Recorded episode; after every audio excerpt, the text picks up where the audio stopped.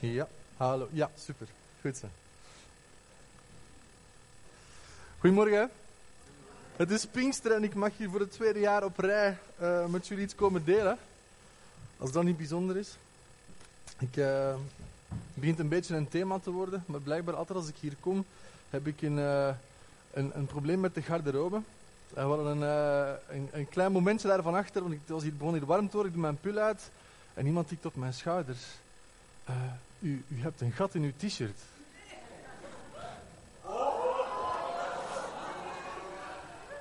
Ik zal het nog eens laten zien, hè meneer. En ik was helemaal vergeten, uh, maar het is... Sorry? Het is in de mode inderdaad, dat zei mijn buurman ook. Maakt niet uit, dat is in de mode.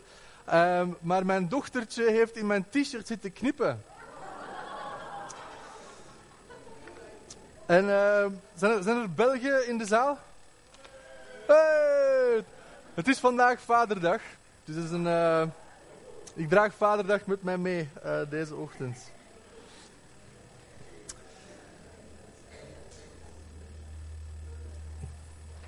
Ik zal een beetje achter gaan staan. Het is Pinksteren. Een gelukkige verjaardag aan ons allemaal die deel zijn van de kerk. We gaan uh, beginnen met een stukje te lezen uit, uh, uit Handelingen. Dat is natuurlijk de tekst waar we naartoe gaan. Voor diegenen die graag willen meelezen, we gaan beginnen in Handelingen. Uh, we beginnen op Handelingen 1. Heel belangrijk vers, Handelingen 1, vers 26.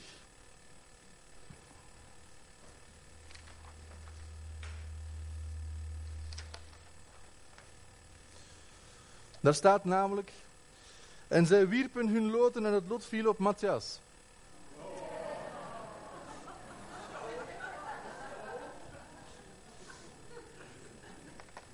Moest even gezegd worden. Hè? Het is belangrijk voor mij om hier met een beetje vertrouwen te kunnen uh, spreken. Het lot viel op Matthias. En hij werd met instemming van allen aan de elf apostelen toegevoegd. Oké, heeft er eigenlijk niks mee te maken. Maar uh, en toen de dag van het Pinksterfeest vervuld werd, waren zij allen eensgezind bijeen. En plotseling kwam er uit de hemel een geluid als van een geweldige windvlaag. En dat vervulde heel het huis waar zij zaten. En aan hen werden tongen als van vuur gezien, die zich verdeelden, en het zat op ieder van hen. En zij werden allen vervuld met de Heilige Geest en begonnen te spreken in andere talen, zoals de Geest het hun gaf uit te spreken. Nu woonden er Joden in Jeruzalem, godvrezende mannen uit alle volken die er onder de hemel zijn. Toen dan dit geluid klonk, kwam de menigte samen en raakte in verwarring, want ieder hoorde hen in zijn eigen taal spreken. En zij waren allen buiten zichzelf en verwonderden zich en zij zeiden tegen elkaar, zie, zijn het niet allen Galileërs die daar spreken? En hoe kunnen wij hen dan horen in ieder in onze eigen taal waarin wij geboren zijn? Parten, Meden, Elamieten en zij die inwoners zijn van Mesopotamië, Judea, Cappadocië, Pontus en Azië. Frigië, Pamphylië, Egypte en de streken van Libië dat bij Cyrene ligt, als ook de nu hier verblijvende Romeinen, zowel Joden als proselieten, Cretensen en Arabieren, wij horen hen in onze eigen taal over de grote werken van God spreken. En ze waren alle buiten zichzelf en raakten in onzekerheid. En de een zei tegen de ander, wat wil dit toch zeggen? Anderen zeiden spottend, ze zijn vol zoete wijn. Het is. Uh, misschien moet ik, moet ik, toch terug. Is dat, is dat die feedback van de microfoon? Deze? Ja? Ik zal me een beetje misschien meer aan deze kant doen. Misschien dat beter is. Oké. Okay.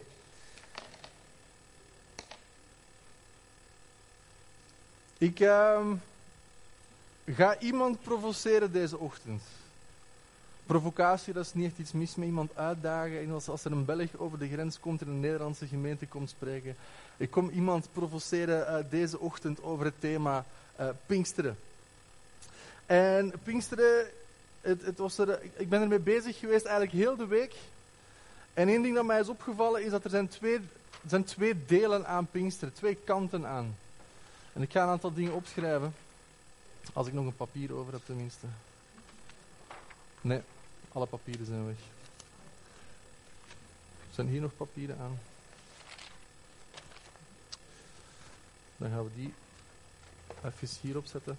Ik weet niet of het heel praktisch wordt, maar dat is niet erg. Um, er zijn twee kanten aan, aan Pinksteren. Ziet je, ik, ik kan mijn leven niet inbeelden op het moment dat Jezus zei tegen de discipelen van ga naar Jeruzalem en wacht daar tien dagen. Dat is wat hij zei na zijn uh, opvaring, hè, tien dagen geleden, hemelvaart. En dan heb je iemand als Petrus, die nog iets heel intens met God heeft meegemaakt, met Jezus heeft meegemaakt. Het leven van Petrus is in, in hele ups en downs gebeurd, zeg maar. En, we moeten erover nadenken dat dezelfde Petrus uit tijdens het laatste avondmaal Jezus zegt van, sommigen van jullie gaan mij afvallen, sommigen van jullie gaan allemaal weglopen. En Petrus is degene die zegt van, al, al lopen zij allemaal van u weg, ik zal u niet verraden. Ik zal u niet verlogen, ik zal u niet ontkennen. En Jezus zegt, voordat de haan kraait, dat je drie keer mij verloochend hebben. Ons Petrus is volgens mij in zak en as in die, dagen, zeg maar, totdat Jezus terug opstaat. Dan hebben we die, die befaamde wandeling daar aan het strand in Galilea, waar Jezus aan Petrus die vraag gaat stellen van Petrus. Weet je nog wat je toen gezegd hebt? Laten al, al, laten al die anderen u in de steek, ik zal u niet verlaten. Jezus vraagt, Petrus, houdt jij van mij meer dan deze? En Petrus zegt, ja heer, u weet het. En Jezus vraagt het een tweede keer. Petrus, houdt jij van mij meer dan deze? Petrus zegt ja. Zeg, wijd mijn lammeren. En dan vraagt Jezus het een derde keer waarop Petrus breekt, waarop hij helemaal ineenstort. Zegt Petrus, houdt jij van mij meer dan deze? En Petrus zegt, u weet het. En dus je hebt die, die rollercoaster gehad van Petrus die, die Jezus drie keer ontkend heeft, maar dan Jezus dan tegen hem zegt van ga naar Galilea, versterk uw broeders. Hij stelt hem daar een stuk aan tot leider. En dan heb je bij hemelvaart dat er, en dat staat eigenlijk letterlijk daar, als je erover nadenkt, die engel. Oh, is dan opeens aan doorkomen hier? Dan heb je daar die engel Um, die verschijnt aan Maria bij de wederopstanding. En die zegt tegen, tegen Maria van ga naar de discipelen en Petrus.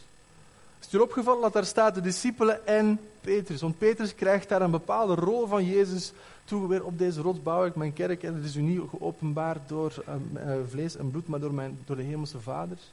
En dus Petrus is degene die daar zeg maar, een stukje ja, leiderschap moet gaan opnemen. En dat, heel, moet heel moeilijk geweest zijn voor de manier waarop hij eerst Jezus een stuk verlogend en ontkend heeft. Daarna wordt hij in ere hersteld. En is hij een soort van de leider van de bende en moeten ze wachten in Jeruzalem. En dus ik, ik, ik, ik weet niet hoe dat, dat geweest moet zijn. Op het moment dat Petrus daar zat, en we weten dat er ongeveer 120 mensen daar bij elkaar waren. Wat Petrus dan gezegd moet hebben. Oké jongens, en ik vermoed dat er iets meer dan 120 mensen nu hier in de zaal zijn. We, gaan wachten. Wachten op wat? Ik weet het niet. En waarom? Dat weet ik ook niet. Het enige wat ik weet is dat Jezus gezegd heeft dat wij tien dagen moeten wachten in Jeruzalem. En dat wij dan iets gaan ontvangen. Iets met kracht en iets met... Maar voor de rest weet ik het niet. Dus, oh, Petrus, wat gaan we dan doen? Uh, heeft iemand een idee? Uh, kunnen bidden? Ja, is goed.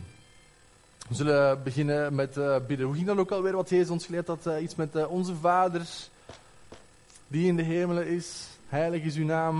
Ik vermoed dat het daar ergens begonnen is. Ik vermoed dat op die eerste dag, nadat Jezus weg was, en ze zitten in die bovenkamer verstopt.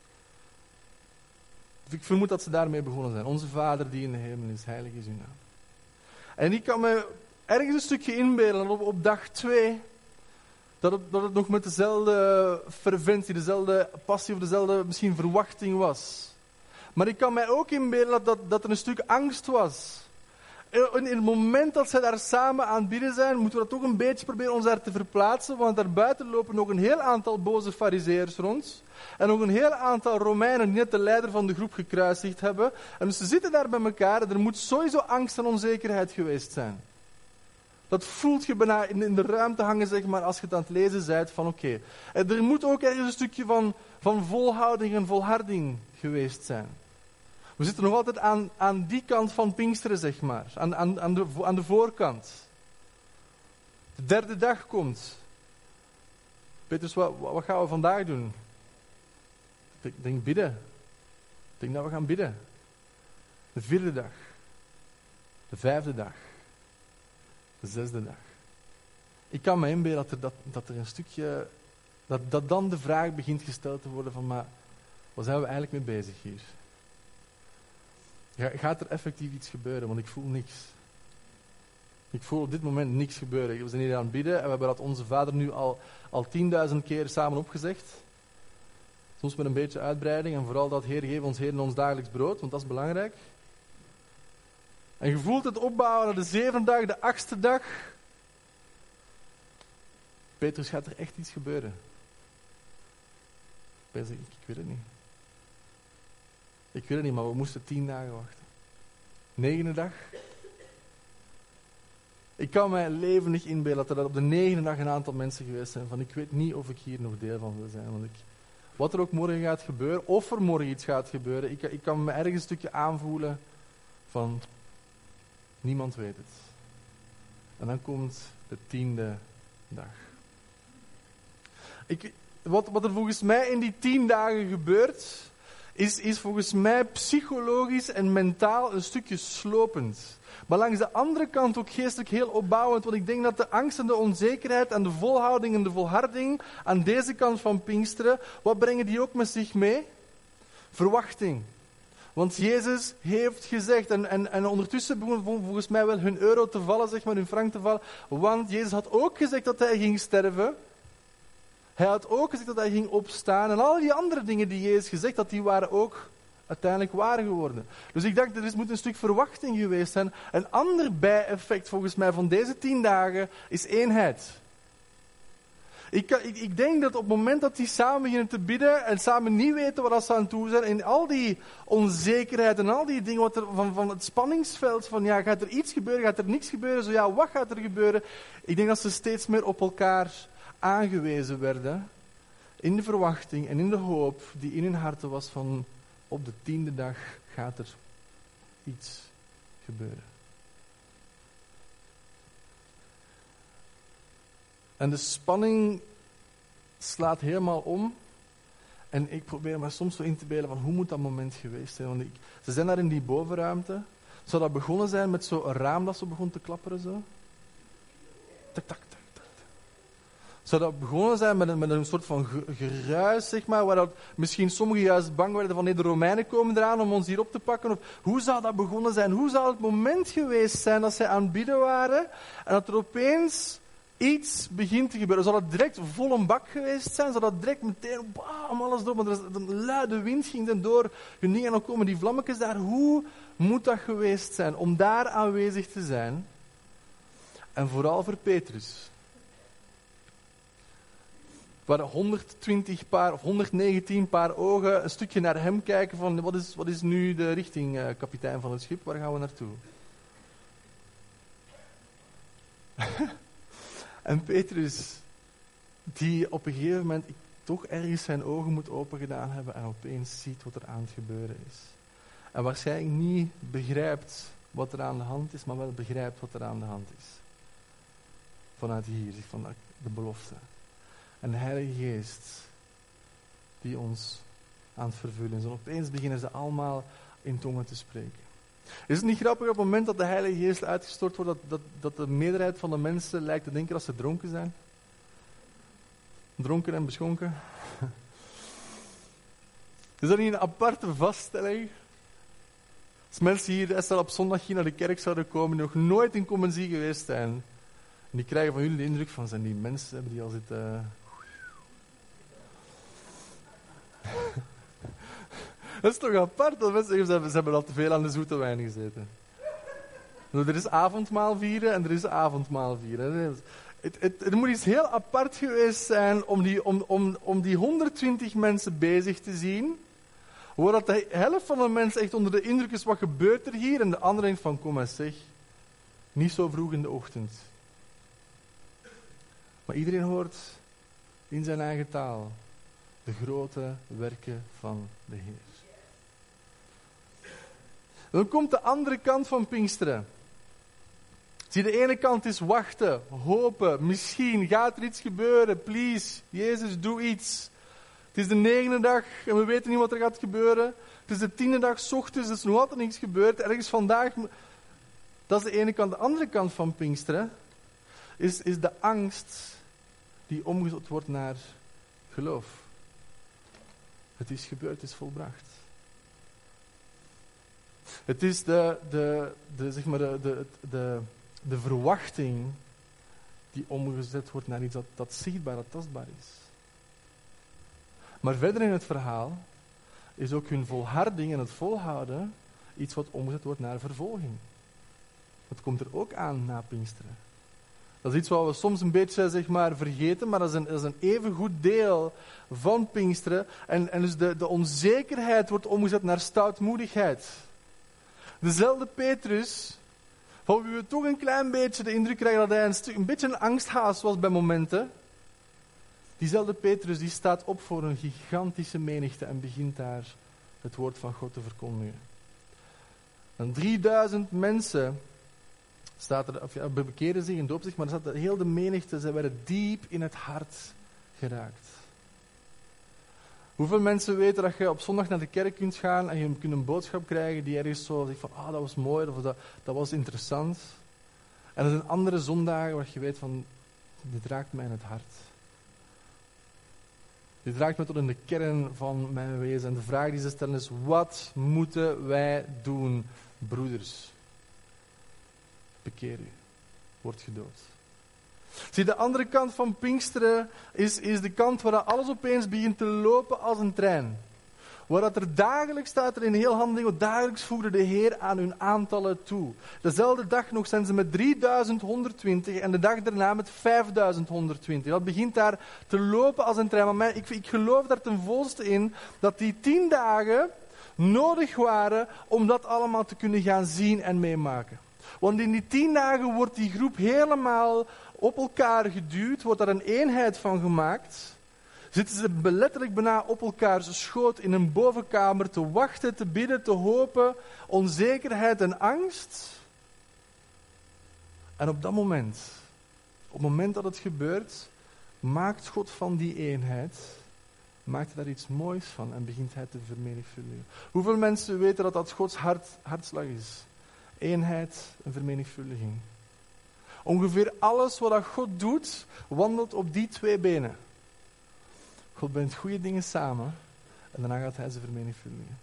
Dat doet hij met man en vrouw in Genesis, dat doet hij met de kerk, dat doet hij met alles. God maakt eerst dingen één, één met zichzelf, één met elkaar. En vanaf wat dat daar is, begint hij dingen te vermenigvuldigen. Dit is ons DNA dat hier beschreven staat. En dan heb ik het niet gewoon over de Pinkstergemeente, ik heb het over alle gemeenten. Het is het DNA van de kerk dat hier een stuk beschreven staat. Want iets verder gaan we lezen hoe dat, dat eruit begint te zien. Ze kwamen dagelijks samen in de tempel. Ze begonnen samen te bidden. Ze wijden zich toe aan het onderwijs van de apostelen. Ze deden het laatste avondmaal. Al die dingen begonnen zij te doen. En dat is de, de, zeg maar de, de eh, ik zal even lezen, gewoon handelingen 2. Dat begint vanaf, um, waar staat het, vers 41. Zij nu die met zijn woord met vreugde aannamen werden gedoopt. En ongeveer 3000 zielen werden op die dag aan hen toegevoegd. En zij volharden in de leer van de apostelen en in de gemeenschap, in het breken van het brood en de gebeden.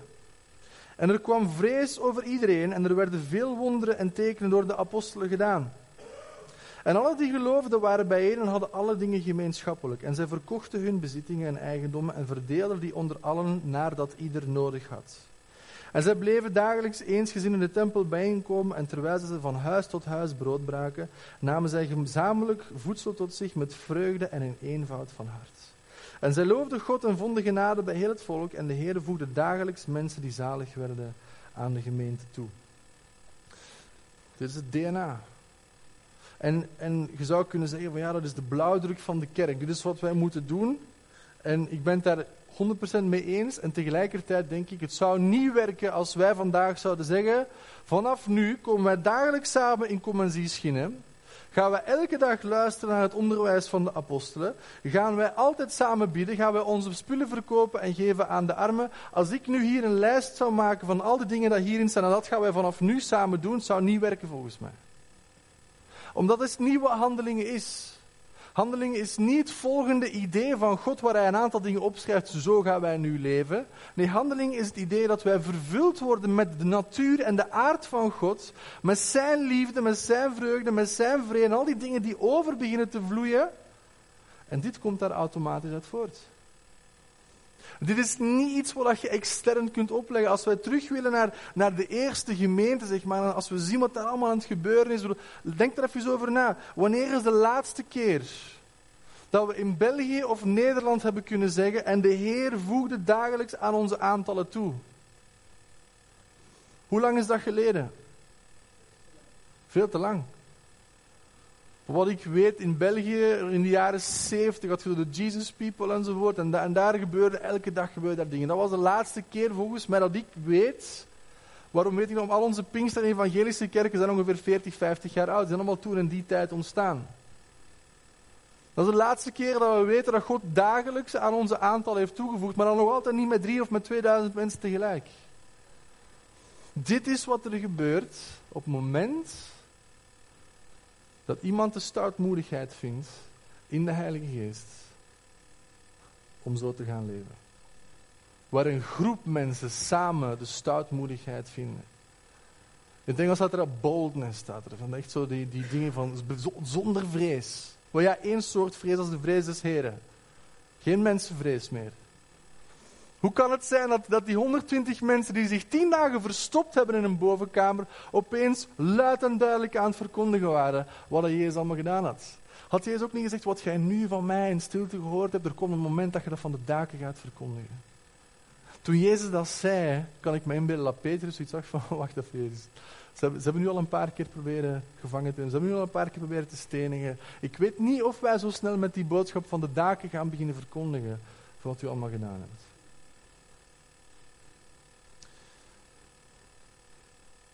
En dus ik kom iemand provoceren deze ochtend om het DNA van de kerk, het DNA van wie wij zijn. Want de missie van de kerk begint hier met Pink. Dit is de geboorte van de kerk. Dit is wie wij zijn. Dit is wie, wie God ons bedoeld heeft om te zijn als zijn volk, als zijn gemeente. En ik wil dat we deze ochtend tenminste ons hart daarvoor openstellen om dit opnieuw te gaan ervaren. En we gaan daarvoor zo meteen een verhaal uit het Oude Testament lezen. Maar gewoon even om, om, om zeg maar de, de lijn vast te houden van wij moeten ons DNA gaan herontdekken. Wij moeten ons DNA gaan herontdekken. Waarom? Omdat Jezus zegt, wacht tien dagen en jij zult bekleed worden met kracht. Ik denk dat er nooit een fase in de geschiedenis is geweest dat wij dit meer nodig hebben gehad als nu. En gisteravond op bid stond, iemand zei dat groot gelijk, de Pinksteren is toen gebeurd en is nog altijd aan de gang. Er is nooit een nieuwe Pinkster, we ook geen nieuwe Pinkster nodig, ik ben het daarmee eens. En tegelijkertijd denk ik, toch hebben we wel een nieuwe Pinkster nodig, want er is een voor en er is een na. Er is een voor in, in termen van samengebonden worden in eenheid, verwachting en hoop hebben op iets wat God gaat doen. op het moment dat die doorbraak daar komt, begint er van alles te gebeuren. Zijn zij bekleed met kracht. En gaan ze beginnen volharden. En zelfs in de vervolgingen gaan zij doorgaan. En niks of niemand lijkt hun kapot te krijgen. Is trouwens een thema door een heel de kerkgeschiedenis. Zolang de kerk één is en één blijft, maakt het niet uit welke vervolgingen.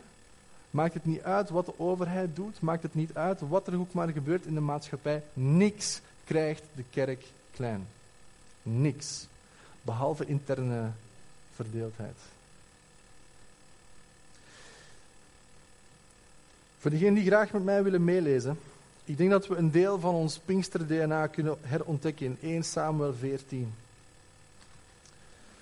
En 1 Samuel 13, we gaan eigenlijk daar beginnen.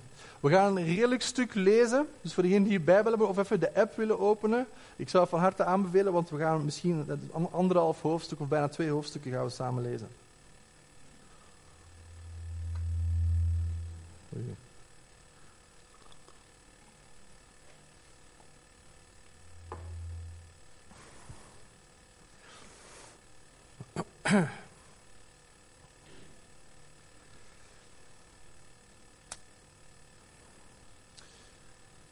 gaan er samen door, vers per vers. Af en toe gaan we een keer pauzeren, maar dan gaat je ineens de achtergrond meekrijgen van wat er allemaal aan het gebeuren is.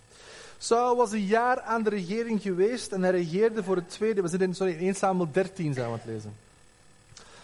Saul was een jaar aan de regering geweest. Hij regeerde voor het tweede jaar over Israël. Toen koos Saul 3000 man uit Israël voor zich uit. 2000 mannen waren bij Saul in Michmas en in het bergland van Bethel. En duizend waren er bij Jonathan in Gibea in Benjamin. Michmas betekent verborgen plaats.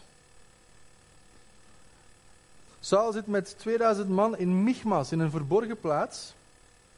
En duizend zijn er bij Jonathan in Gibea in Benjamin. De rest van het volk liet hij gaan, ieder naar zijn tent. Jonathan versloeg het garnizoen van de Filistijnen al in Geba lag. En de Filistijnen hoorden dat.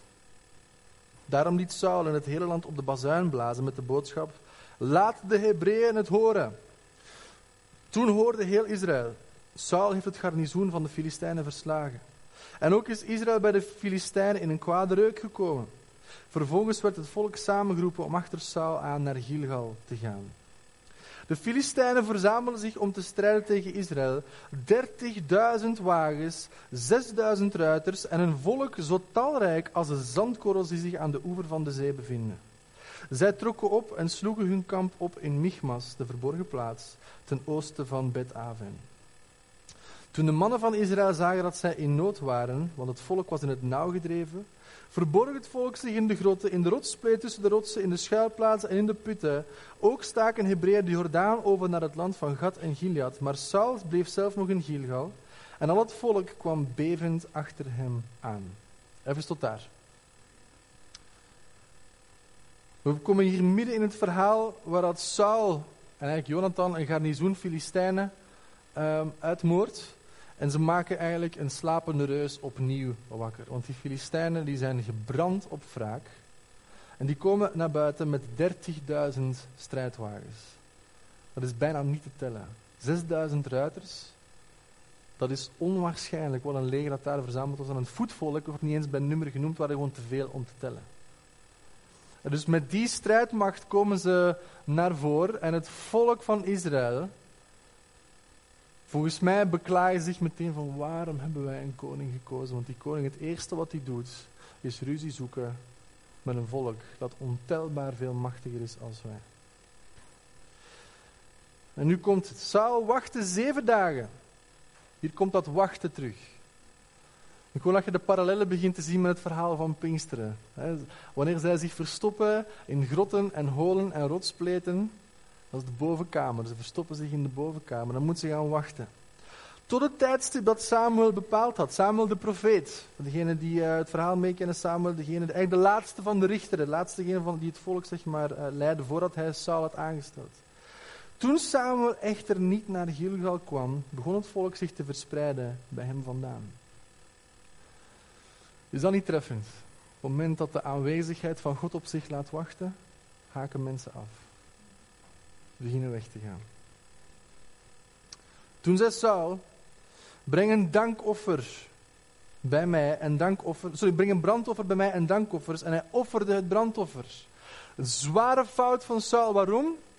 God had het koningschap en het priesterschap gescheiden van elkaar. De stam van Juda en de stam van Levi. Saul was niet eens van de stam van Juda, Saul was van Benjamin. En dat uitgerekend hij het aandurft om de offers te gaan brengen, Zware, zware fout. Had hij niet mogen doen. En het gebeurde toen hij gereed was met het brengen van het brandoffer, dat zie, Samuel kwam, Saul ging het kamp uit hem tegemoet om hem te zegenen. Saul is zich blijkbaar niet van veel kwaad bewust. En hij loopt naar Samuel en zegt van Samuel, we zijn blij dat je hier bent. En Samuel blijkt niet echt te reageren, want het eerste wat hij zegt is, wat hebt u gedaan? Toen zei Saul, omdat ik het zag dat het volk zich begon te verspreiden bij mij vandaan, en omdat u niet op de vastgestelde tijd kwam, en de Filistijnen in Michmas verzameld zijn, zei ik bij mijzelf, nu zullen de Filistijnen op mij afkomen in Gilgal, en ik heb niet getracht het aangezicht van de Heer gunstig te stemmen. Daarom heb ik mijzelf gedwongen om het brandoffer te brengen. Wat Saul hier eigenlijk zegt is het volgende. Samuel, jij waart niet op tijd. Jij waart niet op tijd, dus was ik wel gedwongen om het zelf te doen. Als jij hier waart geweest, had jij het kunnen doen, maar je waart hier niet. Is dat niet treffend? Als het volk van God moet wachten op de aanwezigheid van God, beginnen we de dingen zelf te doen. Beginnen we de dingen zelf te organiseren. Bedenken we zelf wel een structuur, bedenken we zelf wel een manier van doen. Wachten is moeilijk, hè? En opeens zitten de Filistijnen in Michmas, in die verborgen plaats. Hoeveel onder jullie weten dat de vijand zich heel vaak schuilhoudt in een verborgen plaats? Paulus zegt, ik niet dat jij onbekend bent met de listen van de duivel. Maar de duivel zit vaak in een verborgen plaats, in Michmas. Maar Samuel, vers 13, zei tegen Saul, u hebt dwaas gehandeld. U hebt het gebod van de Heer, uw God, dat hij u geboden heeft, niet in acht genomen. Anders zou de Heer uw koningschap over Israël voor eeuwig bevestigd hebben.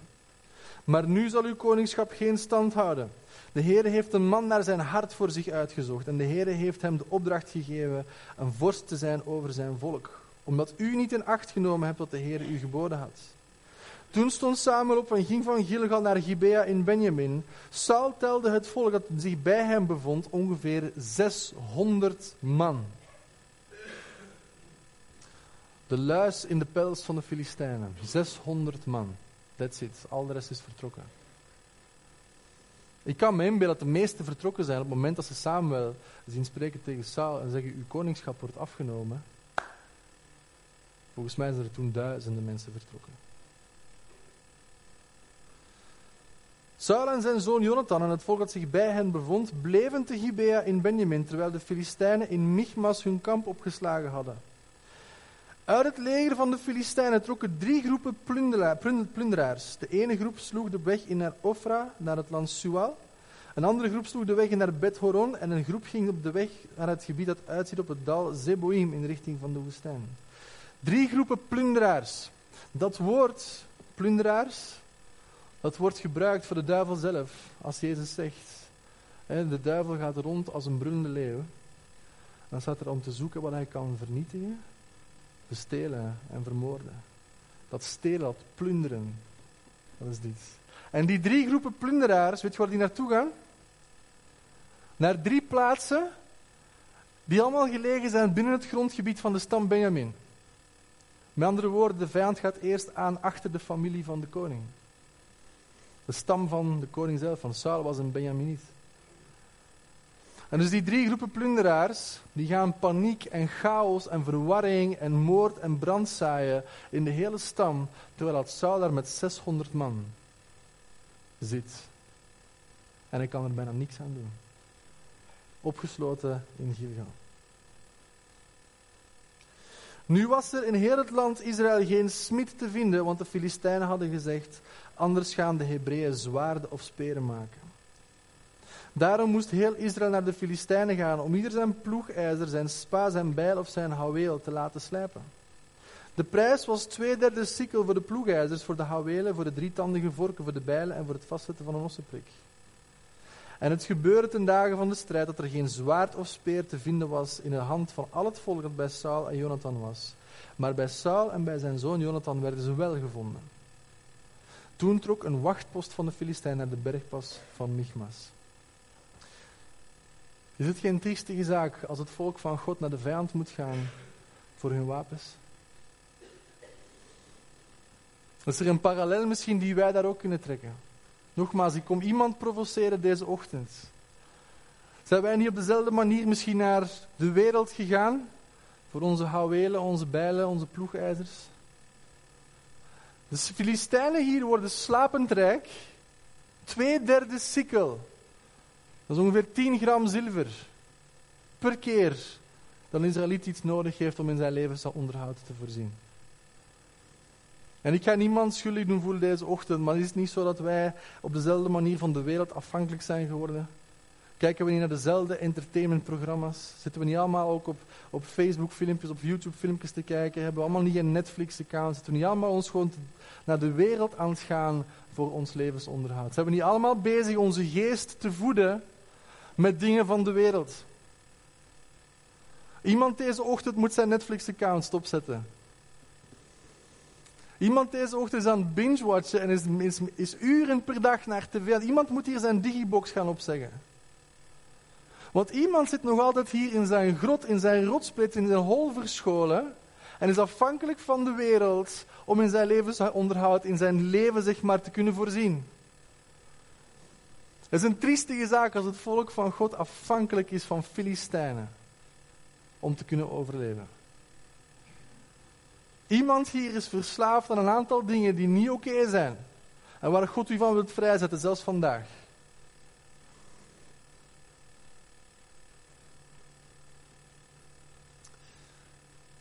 Op een dag gebeurde dat Jonathan, we zitten in hoofdstuk 14 nu, nu gaat het gebeuren.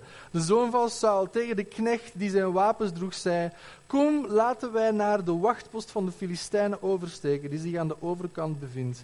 Maar hij vertelde het niet aan zijn vaders. Oké, even gewoon een situatie. Je hebt hier Saul, uh, sorry, je hebt Jonathan hier, de zoon van de koning, en zijn wapendrager. En die wapendrager gaat zo meteen heel belangrijk worden. Want Jonathan en je weet hoe dat gaat hè, onder mannen. Jonathan zegt tegen zijn wapendrager van kom, moeten we niks gaan doen. Ik herinner me nog een paar jaar geleden, ik was met mijn beste kameraad en onze vrouwen, we waren met vier. Uh, we gingen naar het meer van Annecy, dicht bij Frankrijk. We gingen, daar, we gingen daar een weekje kamperen. En we zaten daar aan, aan, de voet van het meer op een camping, aan onze tent. het was gewoon een ochtend en het zonnetje was aan het schijnen enzovoort. En, en mijn vriend en ik, Christian, we zitten daar, en onze vrouw zit daar ook, en we kijken zo rond aan de omgeving. En in de verte, want ja, dan zouden de pre-Alpen beginnen, zeg maar. In de verte zien wij zo een berg die heeft drie pieken zo. De, heeft nou de Les Trois, ik weet niet, die berg heeft een naam. En uh, ik zeg tegen Christian, Christian, ik vind dat wij die berg moeten beklimmen. Dan zijn er twee opties van hoe zo'n verhaal kan vervolgen. Ofwel zegt die andere, Ofwel zegt hij, nee jong, zot. Ofwel zegt hij, oké, is goed. Doe het. Met een bepaalde fonkel die je alleen maar bij qua jongens kunt zien, zeg maar. Die een plan gaan ondernemen waar ze eigenlijk helemaal niet toe klaar worden. En effectief, de volgende dag, staan op, zeven uur s ochtends. En ik kijk even naar hem. Zeg, zijn we nog altijd, hè? Gaan we nog altijd die, die berg beklimmen? Hij zegt, ja, is goed, kom, doen dat. We doen dat gewoon. En wij, we rijden naar ongeveer het dichtstbijzijnde punt waar je kon beginnen wandelen zeg maar, aan, aan de opstijging. En het was ongeveer een klim van duizend meter. Verticaal, duizend, duizend meter klimmen. En wij, onervaren, geen enkel idee waar we aan begonnen. We hadden zelfs geen water of niks mee. Even misschien in mijn verdediging, ik was 23. Oh, dan is het oké. als, als je 23 zit, dan mag dat. Maar mijn vriend was, was 29, uh, zes jaar ouder. En dus wij beginnen. En het eerste deel is effectief is gewoon een rotswand, bijna verticaal. Dat je zonder touwen, zonder niks. We beginnen gewoon aan al die dingen naar boven te klimmen. En toen kwamen ze op een beetje op een plateau. En dan zagen we in de vette zo al de piek, alhoewel het maar heel af en toe zichtbaar was, want het was mistig. Het was overal was er mistig. Je kon bijna niet echt zo... Soms op bepaalde stukken in de berg kon je bijna niet echt zien waar je vooruit ging. En toen kwam het, kwam het beste deel. Want we wandelden en het was zo iets zeg maar, normaal, iets horizontaler. En we komen bij een gletsjer. En die gletsjer is steenhard bevroren. Die is zo glad als het maar kan zijn. En ik heb sportschoenen aan. En ik kijk opnieuw naar mijn kameraad. Die had wel bergschoenen aan, die is iets slimmer als mij. Misschien veel slimmer als mij. En, en ik vraag aan hem, zeg van, we gaan ons nu toch niet laten tegenhouden. Door een gletsjer. En we kijken naar die gletsjer. En je kon de top ervan niet zien, want die zat in de mist. Je kon ook beneden niet zien hoe, dat, ver dat hij naar beneden ging, want die zat ook in de mist. Het enige wat je zag was een glijbaan van ijs, 20 meter breed, met een klein padje erover, waar mensen al een keer voor waren gegaan. Dus dat, zo, maar, dat ging zo schuin en dan zo ietsje zo en dan terug naar beneden. En ik pak een scherpe steen met de gedachte van stel dat ik uitga, dan kan ik hem misschien in het ijs zetten en we gaan die gletsjer over, het komt allemaal goed. En dan kwam er nog één en nog één. Ik heb ondertussen drie kinderen. Ik zou dat nooit meer doen wat ik die dag gedaan. Dat was levensgevaarlijk. in ieder geval, wij gaan naar boven. Na die gletsjers werd het iets gemakkelijker en dan kwam er weer terug een stuk steilere klim. En we geraken zo goed als aan de top van die berg. Ik denk op 20 meter, maar dat was echt gewoon een muur. Dat, kon gewoon, dat, was, dat was niet te beklimmen op geen enkele manier. En we zijn daar gaan zitten op een steen. En hebben gezegd van kom, we gaan gewoon wachten nu. Wachten op de Heer. Gewoon stil. En het was daar muisstil. denk over 2000, tussen de 2 en de 3000 meter hoogte. Het was daar muisstil. Niks gebeurde daar. En we zitten daar en hij zit aan de ene kant, ik aan de andere kant, gewoon aan het wachten. En er gebeurde niks. Hij wachtte nog een beetje langer. Er gebeurde niks. Een half uur gaat voorbij, niks tegen elkaar gezegd, er gebeurde absoluut niks. En toen zijn we beginnen bidden samen. We zijn beginnen bidden en beginnen vragen aan God: God, wat gaan we doen? Hoe ziet, onze, hoe ziet onze vriendschap er in de komende jaren uit? Hoe gaan wij vanaf hier, zeg maar, hoe gaan wij dit, hoe gaan wij dit doen? En iets later, nadat we klaar waren met bidden, begon de mist helemaal op te trekken en hadden wij een uitzicht over het ganse meer van Annecy. Dat was prachtig. De zon begon te schijnen, het was opeens een heel andere... De afdaling was volledig anders dan de opklimming. Het was een prachtig moment, ik zou het nooit opnieuw doen, het was levensgevaarlijk. En het begint allemaal met één uh, jongeman die tegen de ander zegt van kom, we gaan een keer iets wat doen. We gaan een keer iets ondernemen. Saul nu verbleef aan de rand van Gibea, onder de granaatappelboom die in Migron was. Migron betekent angst. Saul zit onder een boom op een plaats die angst heet. En het volk dat bij hem was bestond uit ongeveer 600 man. En Ahia, de zoon van Ahitub, de broer van Ikabod, de zoon van Pinehas, de zoon van Eli, was priester van de heren in Silo en droeg de efod. Die, die grote tuniek met die stenen en zo. Het volk wist echter niet dat Jonathan weggegaan was. Nu was er tussen de bergpassen waar langs Jonathan naar de wachtpost van de Filistijnen probeerde over te steken, een rotspunt aan deze kant en een rotspunt aan de andere kant. De naam van de ene was Bozes, dat betekent schijnende. Die, die lag in aan de noordkant, die stond eigenlijk heel de dag door, stond hij in de zon. Oosten, zuiden, westen, heel de dag stond schijnend in de zon. En de andere heet uh, Sene, hetgeen acacia betekent, want de andere kant stond vol met acaciabomen. De ene punt lag aan de noordkant tegenover Michmas en de andere aan de zuidkant tegenover Geba. Jonathan nu zei tegen de knecht die zijn wapens droeg, kom, laten wij oversteken naar de wachtpost van deze onbesnedenen. Misschien zal de Heer voor ons werken, want het is voor de Heer niet te moeilijk om te verlossen door veel of door weinig mensen. Ik vind dit een van de meest absurde verzen in de hele Bijbel. Ik kan bijna niet geloven dat Samuel het erin heeft gezet. Of degene die het boek geschreven heeft. En het vers dat erop volgt is nog gekker. Dit is werkelijk waanzinnig. Want toen zei zijn wapendrager tegen hem: Doe alles wat in uw hart is. Ga uw gang, zie, ik volg u naar wat uw hart u ingeeft. Er is die wapendrager die zegt van, is goed, is goed. Want Bozes, dat was die piek in de zon en Michmas lag er juist achter. Het was een hoge, het was bijna een natuurlijk vocht. Daar kon je bijna niet geraken vanwege die sterke rotspunt. En Jonathan zegt, daar gaan wij naartoe. En die wapendrager zegt, is goed. Is goed. We doen het. In het Engels staat er, whatever you find in your heart to do, I am with you, heart and soul.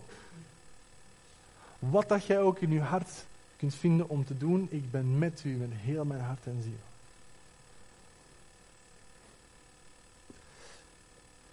Het verhaal gaat zo meteen verder, maar ik wil even zien een observatie. En zeker voor de mannen die mee waren op weekend. Jonathan is hier opnieuw een type van Jezus in het Oude Testament. Pinksteren is het moment waarop zijn wapendragers zeggen: Jezus, wat jij vindt in uw hart om te doen, wij zijn met u hart en ziel. Dit had Petrus kunnen zijn.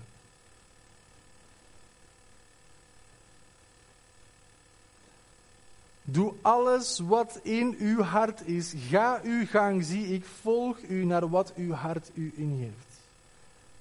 Wat heeft Jonathan net gezegd? Kom, we gaan naar boven. Er zitten honderden Filistijnen daar boven op die rotspunt. We geraken er waarschijnlijk niet zonder dat we neergeschoten worden.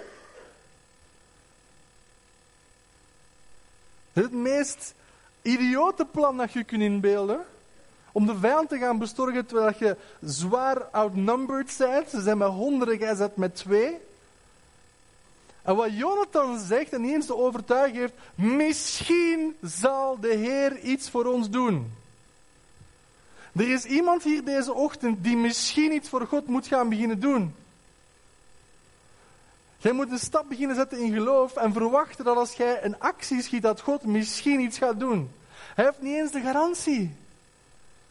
De discipelen hadden nog de garantie. Ga naar Jeruzalem, wacht daar tien dagen en gij zult bekleed worden met kracht. Jonathan zegt misschien. Maar Jonathan zegt, ik kan het niet langer aanzien hoe heel ons volk hier in grotten en rotspleten en holen verscholen zit. Terwijl de vijand daarboven op een verborgen plaats zit, bijna onbereikbaar. En ons hele land in de tang houdt. Dus iets of iemand moet iets gaan doen en misschien zal God met ons zijn. Dat is waanzinnig. Maar er is iemand hier deze ochtend die hetzelfde in zijn hart voelt borrelen, zelfs op deze moment. Er is iemand hier deze ochtend die zegt: Ik kan er niet mee leven.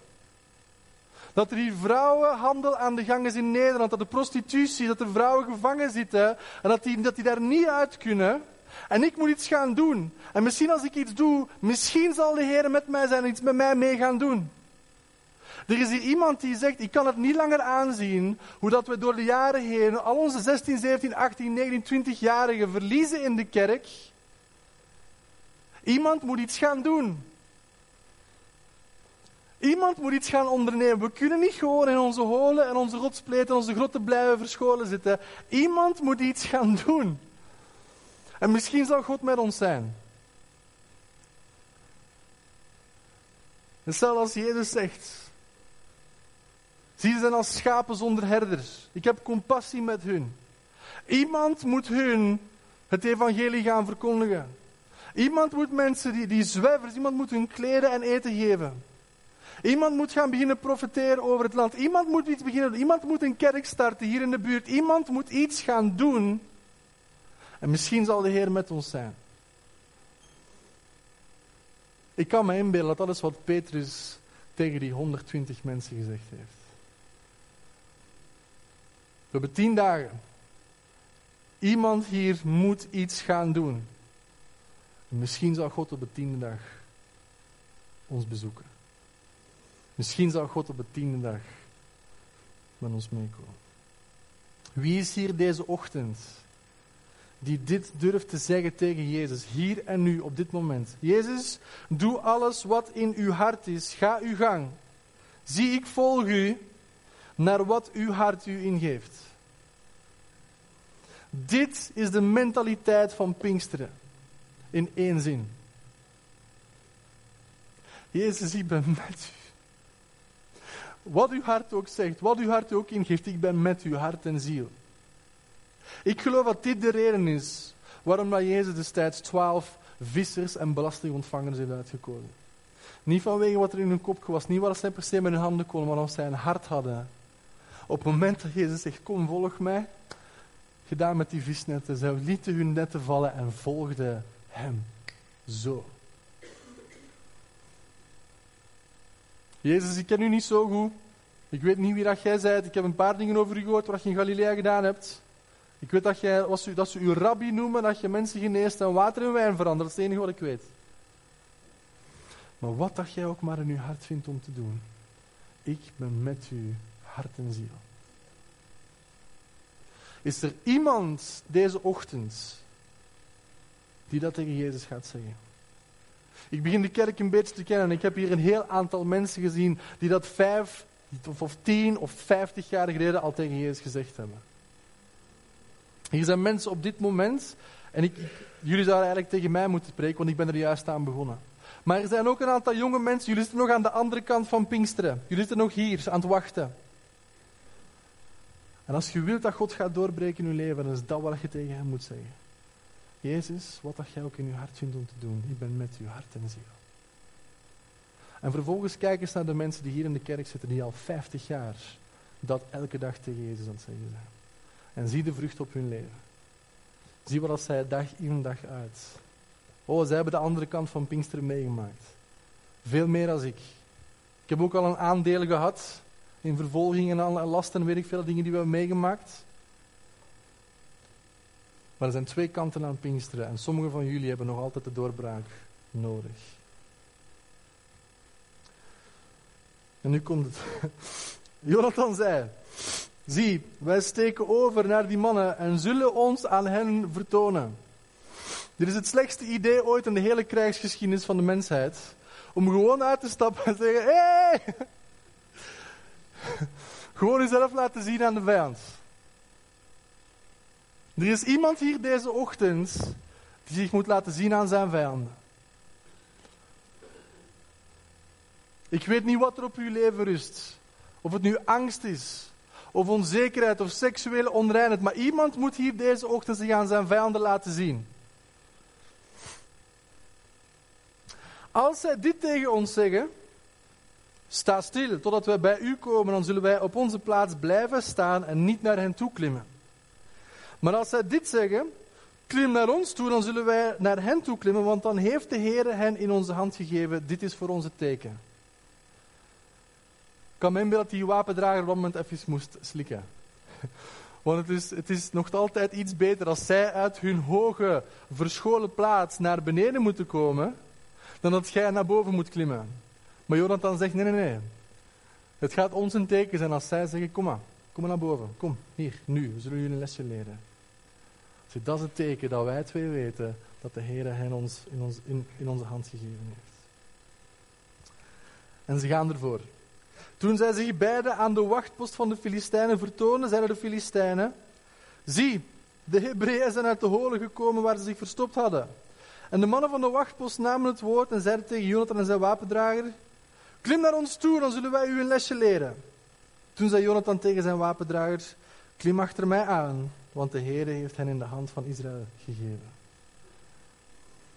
Iemand die achter Jezus moet aanklimmen deze ochtend, want uw vijanden zijn in uw hand gegeven. Toen kwam Jonathan op zijn handen en op zijn voeten naar boven en zijn wapendrager achter hem aan. En kijk wat er staat. En zij vielen voor Jonathan en achter hem doodde zijn wapendrager hen. Is dat niet fantastisch? Jonathan verschijnt en er is zo'n angst over die vijand dat zij gewoon spontaan tegen de grond gaan. Maar het is de wapendragers die ze allemaal doodmaakt. Dat in Romeinen 16, vers 19, de God van vrede zal de vijand onder uw voeten vertrappelen.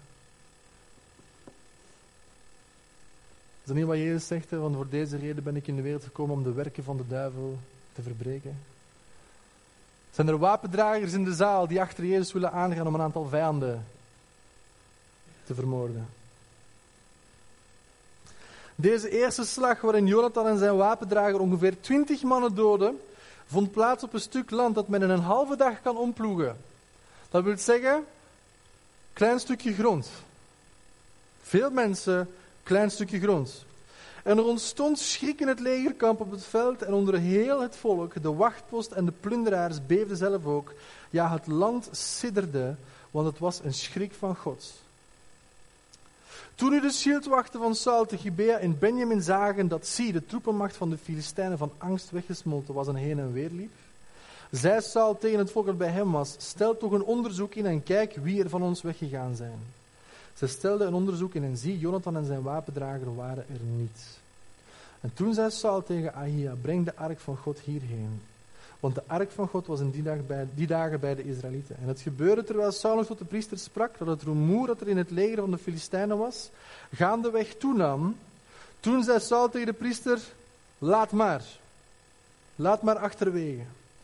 En Saul en al het dat bij hem was, werden bijeengeroepen en kwamen naar de plaats van de strijd. En zie, het zwaard van de een was tegen de ander. Er heerste een bijzonder grote verwarring.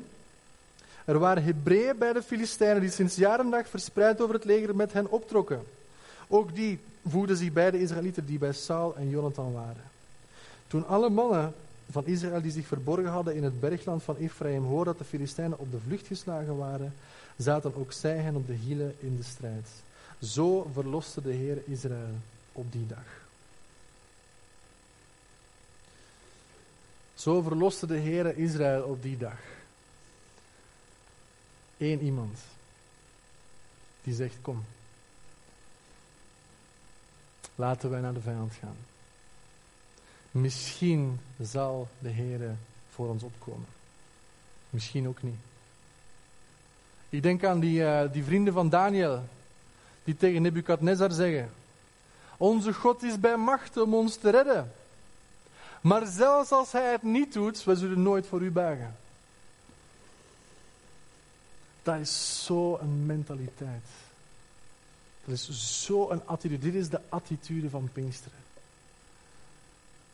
Vervuld met de Heilige Geest. Wij moeten iets gaan doen. Wij moeten iets gaan doen. Jezus is iets aan het doen en wij zijn zijn wapendragers. En het is aan ons om te zeggen, wat jij ook vindt in uw hart om te doen, wij zijn met u hart en ziel.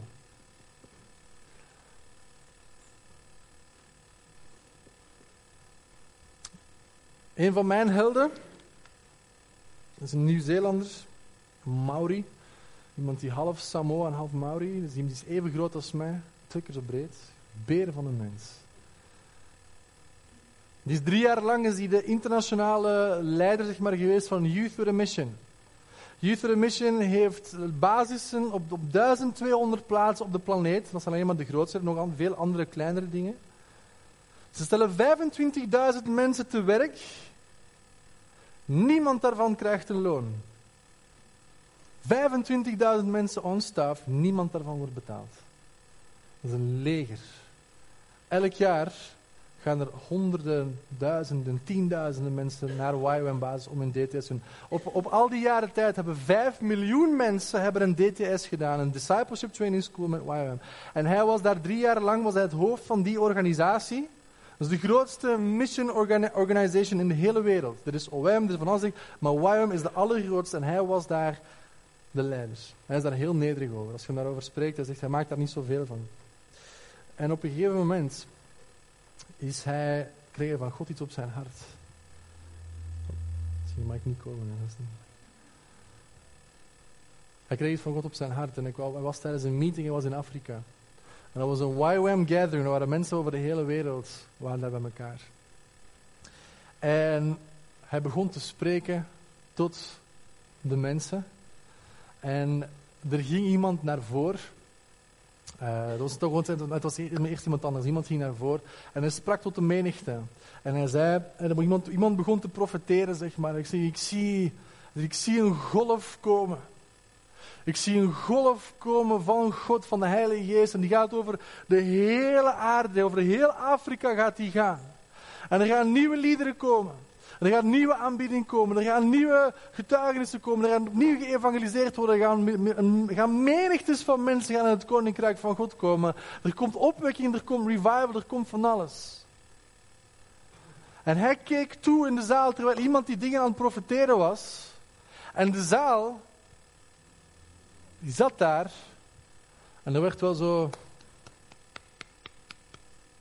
gereageerd. mooi woord. Mooie profetie. Knap. Dank u, Jezus. Dank u, Jezus.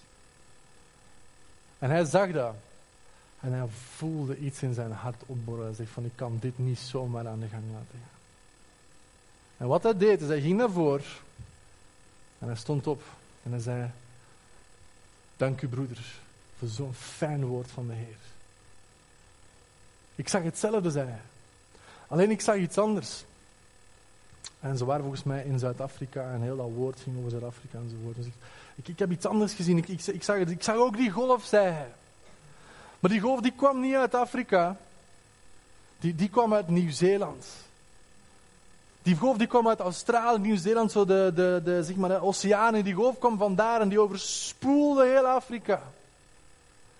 En er waren nieuwe liederen die kwamen, er waren getuigenissen en er waren mensen die toegevoegd werden aan de kerk en er was opwekking.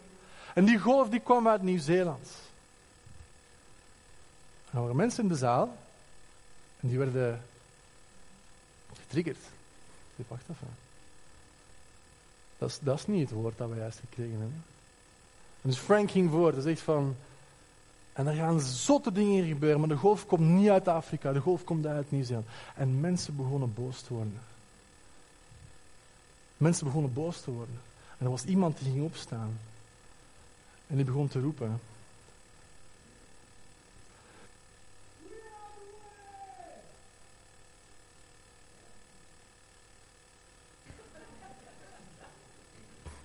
En heel die zaal, ik heb er speciaal een microfoon uit. Heel die zaal staat op.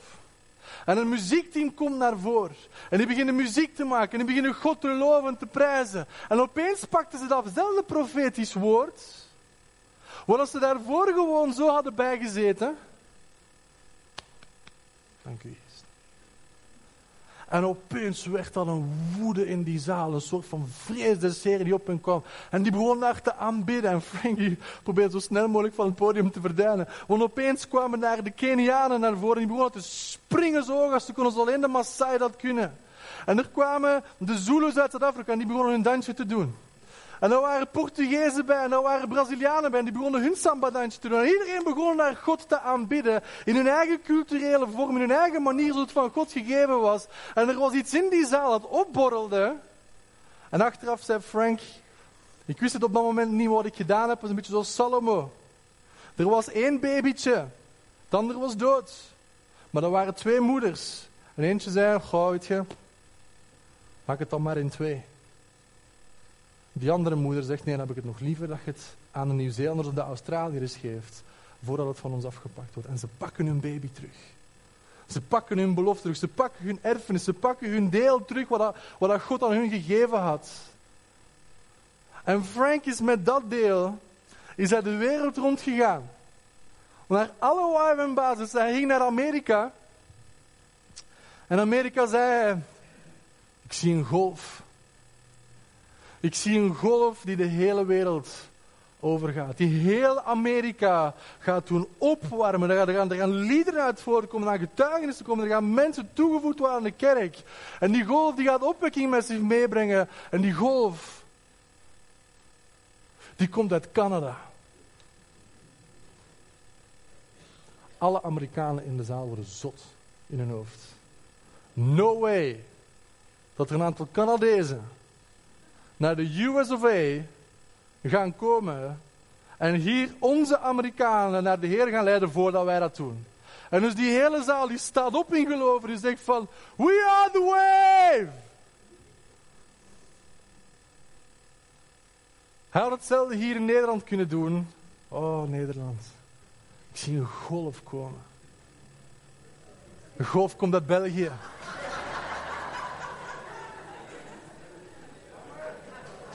Yes! Yes! Is er iemand die geprovoceerd wordt deze ochtend? Als jullie het niet gaan doen, kom en zie schinnen. Als jullie niet gaan uitreiken naar Limburg, gaat niemand dat in jullie plaats doen. Of wij, de Belgen. We wonen dichtbij.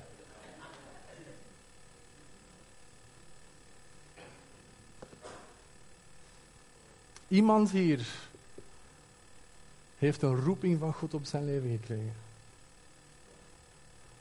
Iemand hier, het is tijd voor u om te zeggen tegen God, God, Jezus, wat dat jij ook maar in uw hart vindt om te doen, ik ben met uw hart en ziel.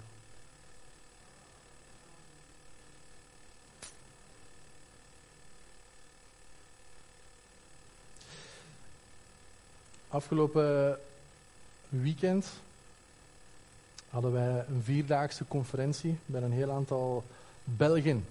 We waren met 70. Allemaal mensen tussen de 18 en de 27 jaar oud ongeveer. Dat zijn onze recruits, samen ook met de vrouwelijke discipleshipgroepen. Voor diegenen die, die op de donderdag erbij waren, heb ik een beetje over uitgelegd. Dat zijn die discipleshipgroepen die wij week in week uit doen, waar wij met jongens bezig zijn om de roeping van God op hun leven te gaan ontdekken, te gaan erkennen en te gaan uitsturen om discipelen te gaan maken.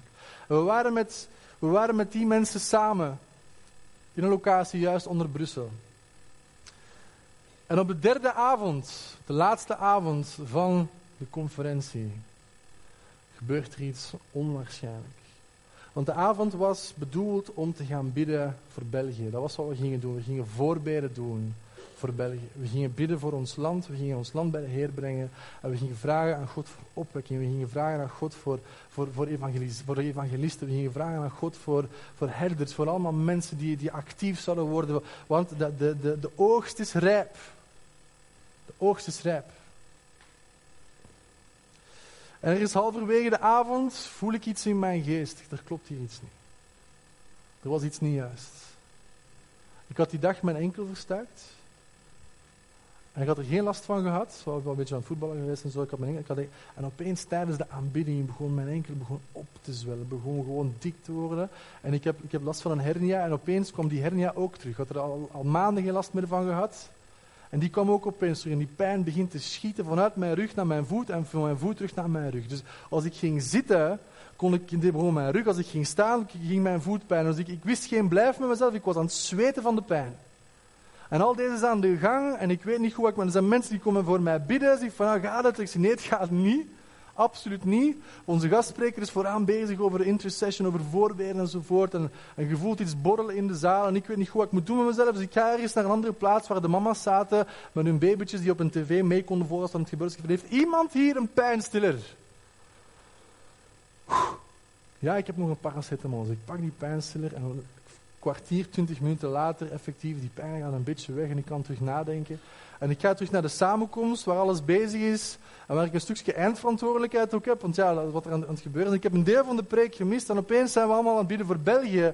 En ik voel, er klopt iets niet. Ik voel van, er is iets hier niet juist.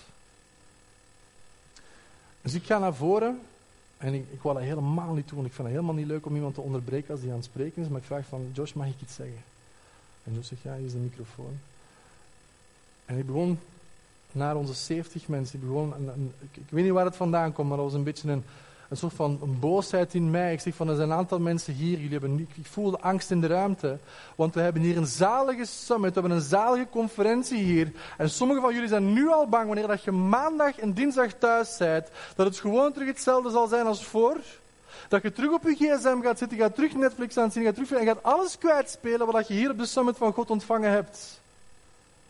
En ik heb toen een bak gezet, hier vooraan in de ruimte. En heb gezegd, sommigen van jullie moeten op deze moment uw smartphone, uw laptop of eender welk ander apparaat wat u afleidt en wat u houdt van uw roeping en uw bestemming, hier in die doos komen gooien. En je moet zaken gaan doen met God. Om uw leven te gaan veranderen. Sommigen van u moeten hier virtueel hun digibox komen leggen en hun tv hier komen zetten. Sommigen van jullie, uw smartphone, wat het ook is, wat u pakt, wat u afleidt, wat er ook aan het gebeuren is in uw leven. Maar ik zei tegen hen, je kunt niet naar de Filistijnen blijven gaan. Voor uw wapens, voor uw levensonderhoud. Je kunt niet naar de wereld blijven gaan verwachten. En hopen dat je op een moment een Jonathan gaat zijn of een wapendrager. Die zegt van oké, wat dat jij ook maar in je hart vindt om te doen, Jezus, ik ben met u mee. En ik ga terug zitten. Eén iemand staat op, komt zijn smartphone in die doos nemen. En dan een tweede. En dan een derde. En dan 4, 5 en 6. 7, 8, 9, 10. 20, 30, 40. Pakt 45 à 50 in totaal. Een bak vol smartphones. Er is iemand anders die staat op. Zegt, ik kreeg een beeld terwijl we aan het bidden waren. En ik zag een herder op, op een berg staan, een aantal schapen. En die schapen begonnen één voor één allemaal naar die herder toe te lopen. Alleen zegt het waren uiteraard, die, die, die, die herder dat was Jezus. En die schapen, dat waren wij. En dan zei hij deze.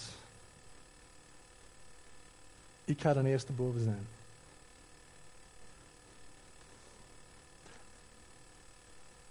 Ik ga de eerste boven zijn kun maar beter beginnen lopen, want ik ga de eerste boven zijn. Het provoceerde me. Iemand anders staat op. En opeens begon het de een na de andere in de ruimte. Ik heb twintig jaar van mijn leven over mezelf geloofd dat ik dom ben. En ik wil dat nu verbreken. En die persoon die verbreekt dat. Ik heb jaar in een depressie gezeten. Ik heb leugens geloofd, ik verbreek die leugens. Zaal wordt wild. Ik heb, ik heb al iemand die zegt: Ik heb, al, ik heb al, al, al jaren op mijn hart dat ik iets voor prostituees wil doen. Ben er nooit aan begonnen. Maar ik kies hier en nu om een pad in te staan om daarmee te gaan beginnen. De zaal wordt gek. Hier in, hier in de zaal op, iedereen begint te delen. Iemand, zegt van, iemand komt opeens naar voren, die, die geraakt niet uit zijn woorden. Die zegt... We, we kunnen echt, hij komt vanuit West-Vlaanderen, die kun je sowieso niet verstaan. En die pakt zijn gsm terug uit die mand. Die loopt naar het raam. Drie verdiepen hoog. En die kletst die gsm helemaal naar beneden. En zo de een na de andere. Dat is opwekking in de ruimte. Ik heb het nog nooit van mijn leven meegemaakt. In alle jaren dat ik dit doe.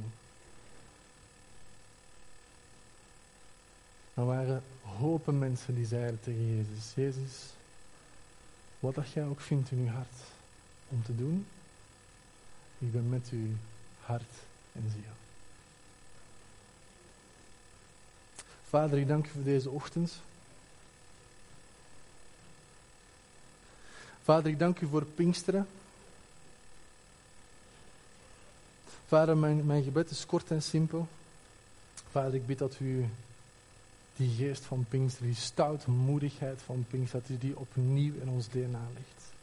Vader, het gevolg van groot geloof. Vader, het gevolg van eenheid, het gevolg van durf, van moed, van lef. Vader, van ons die uitstappen die de beloftes op ons leven gaan claimen als we tien dagen wachten in Jeruzalem, dat u ons zult ontmoeten. En of het nu tien dagen of tien jaar is, vader.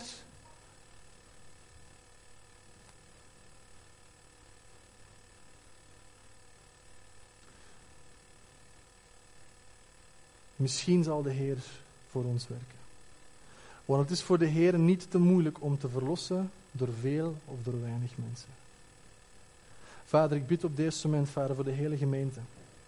Vader, dat u een geest van stoutmoedigheid loslaat op ons, Vader. Als we op ons werk komen, dat we durven te getuigen. Als we in de sportclub komen, dat we durven te getuigen. Dat wij de grote werken van de Heer zullen verkondigen, ieder in zijn eigen taal. Vader, dat Pinkster opnieuw vorm mag krijgen. Vader, dat u de gemeente ook wilt samenkneden in een voor en een na, als in het wachten, als in het verwachten, als in hoop. En misschien ook een stuk onzekerheid van wat is het volgende hoofdstuk. Vader, maar dat we niet de fout maken om zelf onze brandoffers te gaan doen, want we wachten op uw aanwezigheid. We wachten op uw aanwezigheid voordat we hier iets doen. Vader, ik dank u voor de manier waarop u spreekt en beweegt in deze kerk. Vader, voor de mensen die hier die al jaren, jaren, jaren trouw zijn, vader. Mensen die al jaren weten wat het is om aan de andere kant van Pinkster te leven. Vader, maar mijn gebed gaat nog meer en vooral uit aan de mensen die nog aan de andere kant, die nog aan het wachten zijn. Vader, ik bid dat er stoutmoedigheid mag komen. Vader, dat u, dat u zelf hen wilt provoceren, vader, om iets te gaan doen. Vader, dat wij allemaal het DNA van Pinksteren terug in ons hart mogen vinden om te gaan. Wat u ook in uw hart hebt, Jezus, wij zijn met u, hart en ziel. In Jezus' naam. Martien, voor worship team, voordat we beginnen, is het goed dat we nog één ding bekijken? Ik wil jullie één, één kort filmpje tonen van iets wat op dit moment bezig is in YOM, in Youth Mission. Er zijn daar dingen aan het gebeuren die werkelijk te gek voor woorden zijn. En wat ik je nu ga laten zien, ik wil even dat je je achterhoofd houdt, dat de zaal die je zo meteen gaat zien, die staat vol met mensen tussen de 18 en 25 jaar, duizenden, die op het punt staan om uitgestuurd te worden naar alle volkeren en alle talen en elke tribe, elke stam, zeg maar. Dit is de YWAM basis in Kona in Hawaii, dat is de grootste ter wereld. En de mensen die je gaat zien in het filmpje, die gaan werkelijk gewoon, die gaan naar alle landen uitgestuurd worden. En het is allemaal in het Engels, maar het is een heel simpele tekst. En ik denk dat je wel gaat kunnen eh, verstaan zeg maar, waar het over gaat. Ehm, en ook de, vanaf het tweede leer gaat je een aantal beelden beginnen zien van hoe dat er precies uitziet. Maar ze noemen dit, niet van dit, dit, dit, liedje zeg maar, noemt de Missionary Anthem. En ik weet niet eens wat anthem in het Nederlands is, maar dat is zo het, het lijflied zeg maar, van een missionary. Dit is iemand die de roep van God, zeg maar, dat is wat die zou zingen. Iemand die de roep van God op zijn leven ervaart en hoort. Dit is ongeveer wat het eruit ziet en klinkt.